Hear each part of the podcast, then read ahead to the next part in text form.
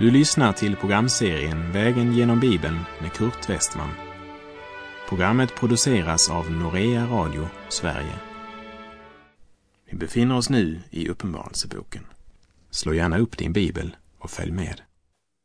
På vår bibelvandring går vi nu genom budskapen till de sju församlingarna som vi återfinner i Johannes uppenbarelsebok.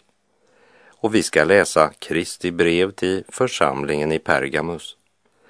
Den här församlingen illustrerar kyrkohistorien under en period från cirka 314 efter Kristus till år 590 efter Kristus. Och jag skulle vilja kalla det för ohämmad hedendom blandad med en hög bekännelse. Det handlar alltså om att halta åt båda sidor, som Elia sa när han på Karmelberget konfronterade Israel med sin synd. Vi läser Uppenbarelseboken 2, verserna 12 till och med 14. Skriv till församlingens ängel i Pergamus. Så säger han som har det skarpa, tveeggade svärdet. Jag vet var du bor, där Satan har sin tron. Och du håller fast vid mitt namn och förnekade inte tron på mig ens i de dagarna då Antipas, mitt trogna vittne, blev mördad hos er där Satan bor. Men något har jag emot dig, att du har några där som håller sig till Bileams lära, han som lärde Balak att sätta en fälla för Israels barn, så att de åt kött från avgudaoffer och bedrev otukt. Så säger han som har det skarpa, tveeggade svärdet. Jag vet var du bor, där Satan har sin tron. Brevets avsändare presenterar sig. Det är han som har det skarpa, tveeggade svärdet. Det vill säga det svärd som skär rakt igenom den tjockaste fasad, svärdet som avslöjar. Hebreerbrevets författare uttrycker det så här i Hebreerbrevet 4, vers 12 och 13. Ty Guds ord är levande och verksamt det är skarpare än något tveeggat svärd och tränger igenom så att det skiljer själ och ande, led och märg. Och det är en domare över hjärtats uppsåt och tankar. Inget skapat är dolt för honom, utan allt ligger naket och uppenbart för hans ögon. Och inför honom måste vi stå till svars.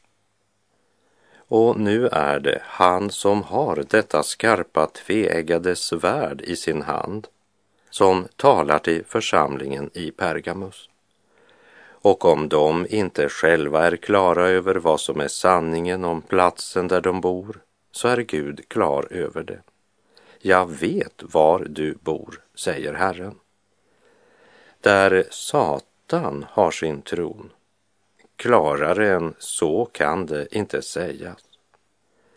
Ni tror att det är en högt utvecklad civilisation, en berömd stad med rikt kulturliv, kunskapsrik och storartad.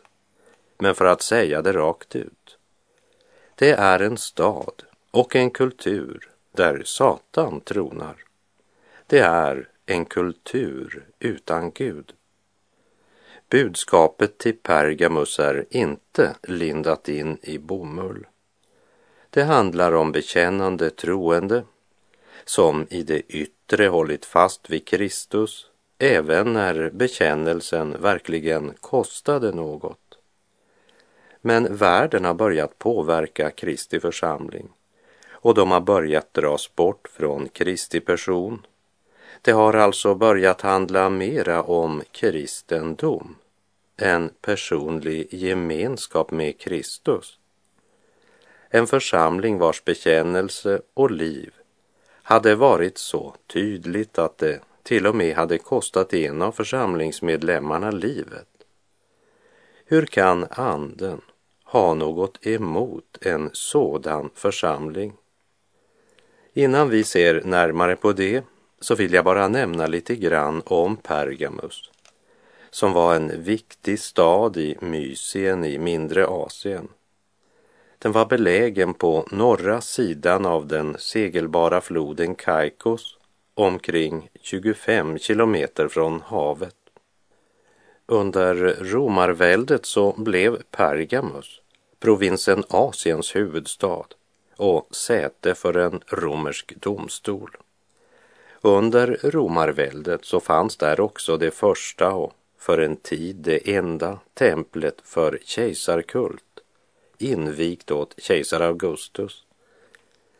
Stadens bibliotek innehöll 200 000 volymer och när det konkurrerande biblioteket i Alexandria genomförde ett förbud mot export av papyrus så började man i Pergamus att tillverka skrivmaterial av djurskinn, så kallat pergament.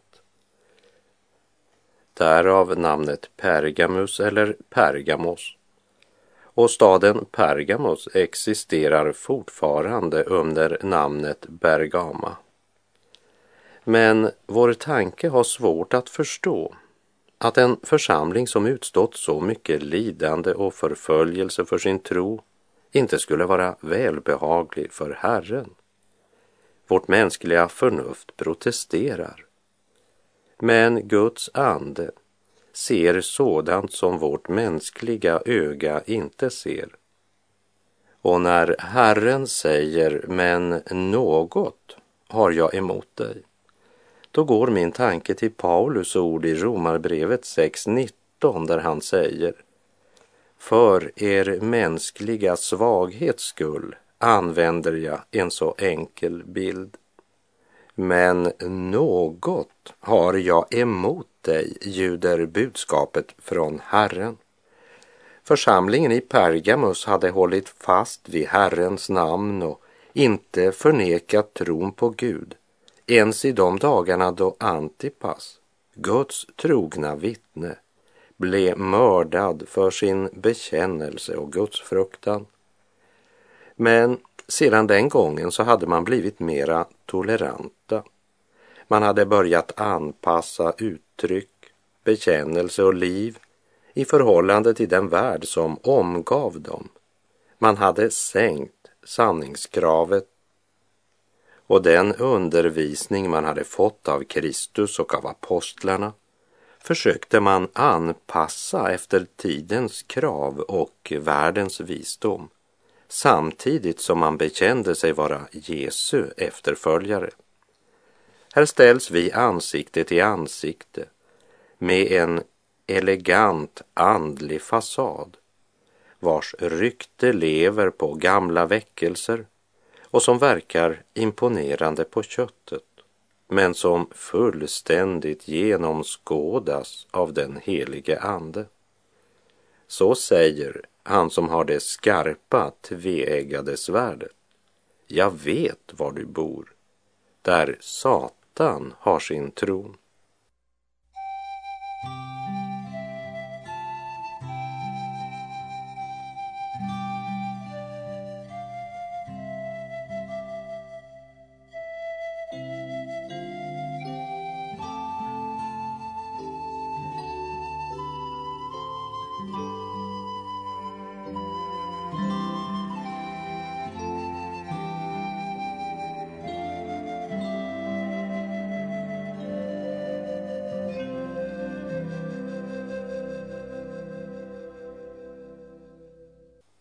Gud säger alltså till de troende i Pergamus, jag vet var du bor, där Satan har sin tron.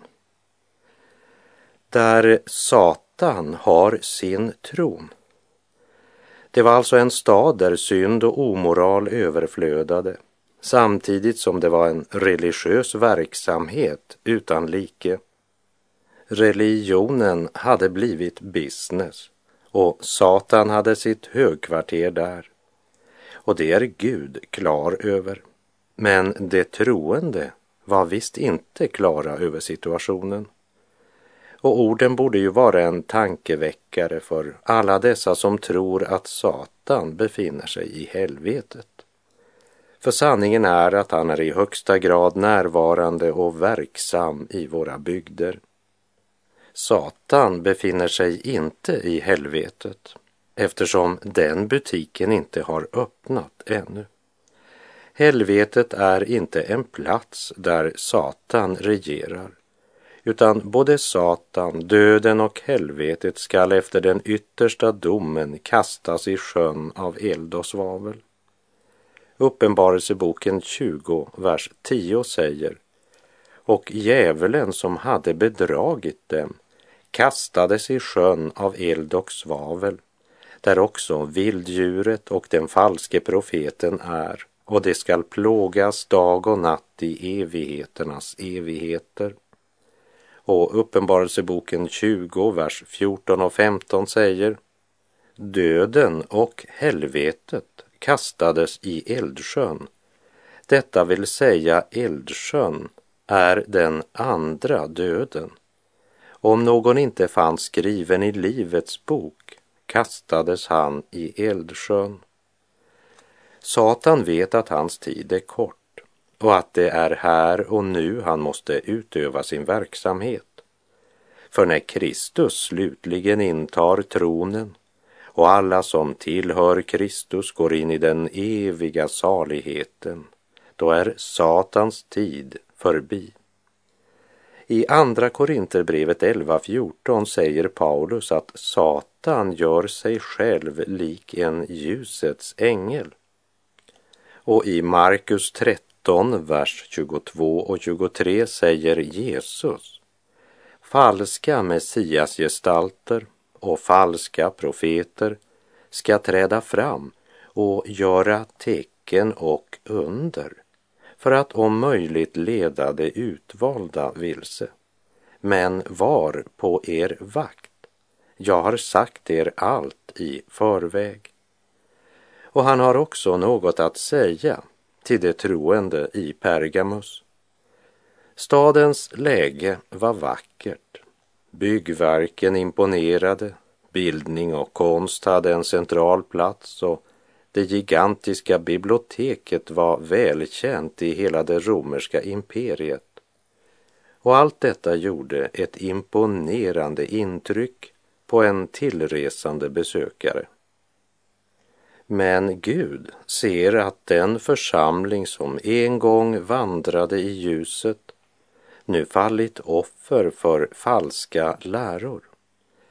Och för köttet så kan denna svängning i läran upplevas som obetydlig. Men i verkligheten förde det till förändring i troslivet som medförde att deras väg inte längre förde till målet. Därför måste Gud varna dem. Och vi bör lägga märke till att Gud inte struntar i Pergamus han tröstar, lär, förmanar och varnar. Något har jag emot dig, att du har några där som håller sig till Bileams lära. Han som lärde Balak att sätta ut en fälla för Israels barn så att de åt kött från avgudaoffer och bedrev otukt. Efter programmets slut så kan du gärna slå upp fjärde Mosebok kapitel 22 och läsa om profeten Bileam som i det yttre tjänade Gud men vars hjärta, åtrå och längtan stod till kung Balaks hus som var fullt av silver och guld. Bileam hade egentligen fått Guds direkta och klara svar som sa att han inte skulle gå med Balak. Men Bileam tyckte inte om det svaret och eftersom Gud aldrig tvingar oss så lät Gud Bileam gå. Bileam är ju redan fast besluten att följa kung Balaks folk. Kungen har ju lovat Bileam mycket stor ära och allt vad han önskar sig av kungen om han blir med sändebuden. Biliams väg är girighetens och habegärets väg. Till det yttre tjänade han Herren, medan han i verkligheten drevs av personlig vinning. Han valde att göra det som såg ut att vara bäst för honom själv. Han sänkte sanningskravet. Han kompromissade med samvetet. Kung Balak tillkallade Bileam för att förbanna Israel. Men Gud tillät inte Bileam att göra det och då bytte Bileam taktik. Och vi minns från fjärde Mosebok kapitel 25 att Bileam lärde kung Balak hur han skulle förleda israeliterna till otukt. Bileam ville bli berömd och tjäna på den nådegåva Gud hade gett honom. Och genom missbruk av nådegåvan blev det en gåva utan nåd. För gåvan fungerade trots att profeten avfallit. Vi kan säga att Bileam var en man som lärde sig att praktisera korsets kraft samtidigt som han flydde undan korsets smärta. Från vår vandring genom fjärde Mosebok kapitel 22 till och med kapitel 24 minns vi att till och med när kung Balak utlovade stor lön till Bileam för att Bileam skulle förbanna Israel så gjorde Gud det omöjligt för honom att uttala denna förbannelse. Men Bileam han fann ett annat sätt att få del i den jordiska rikedom och ära som kung Barlak erbjöd honom. Han gav Moabs kung ett fruktansvärt och svekfullt råd om hur han skulle kunna locka Guds folk till synd. Eftersom du inte kan besegra dem så ska du förena dig med dem så att de får eh, fienden in i sitt eget folk, satsa på blandäktenskap. Och det är precis vad som hände. Och det banade väg för avfall och moabiternas avgudstyrkan bland Herrens folk. Och det skedde med hjälp av rådet från en profet som älskade pengar och ära mer än han älskade Gud. Ser du vad som sker? Bileam kunde inte förbanna Israel, men han kunde lära Moabs kung vad han skulle göra för att förleda Israels folk till en kompromiss. Djupast sett så handlade det om att hålla sig obesmittad av världen till de troende i Rom skriver Paulus, Romarbrevet 12, vers 2. Och anpassa er inte efter den här världen, utan låt er förvandlas genom sinnets förnyelse, så att ni kan pröva vad som är Guds vilja, det som är gott och fullkomligt och som behagar honom. Därför ljuder Guds varning till de troende i Pergamus. Men något har jag emot dig, att du har några där som håller sig till Bileams lära. Han som lärde Balak att sätta ut en fälla för Israels barn, så att de åt kött från avgudaoffer och bedrev otukt. Vi läser Uppenbarelseboken 2, vers 15 så har du också sådana som på samma sätt håller sig till nikolaiternas lära. Bileams lära, det handlade om att med list förleda Israels folk till kompromiss med synden. Att inte ta Guds lag så allvarligt. Det var ju så länge sedan den skrevs och vi lever i en annan tid. När det gäller nikolaiternas lära så minns vi att Herren sa till de troende i Efesus, Uppenbarelseboken 2, vers 6. Men det berömmer jag dig för att du hatar nikolaiternas gärningar som också jag hatar.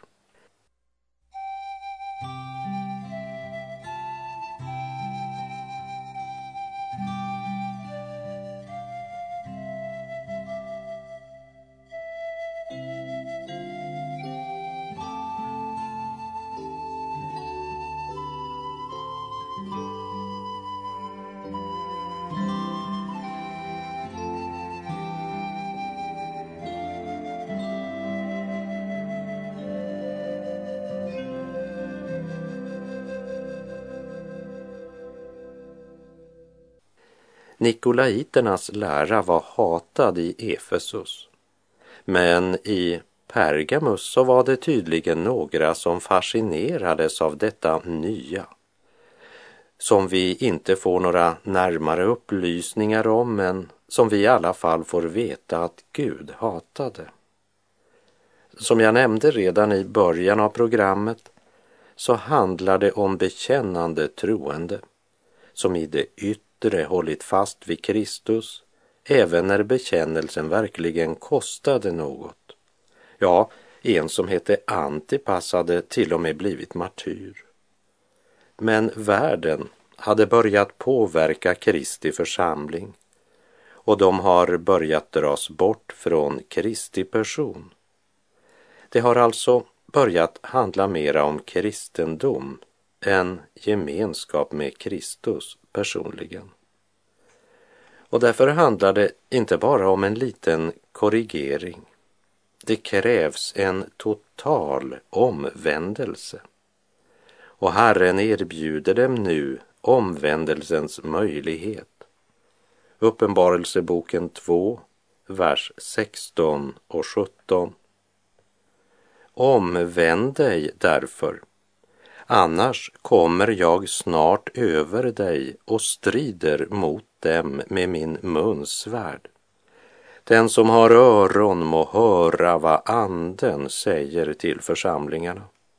Åt den som segrar ska jag ge av det dolda mannat och en vit sten skall jag ge honom och på den är skrivet ett nytt namn som ingen känner utom den som får det.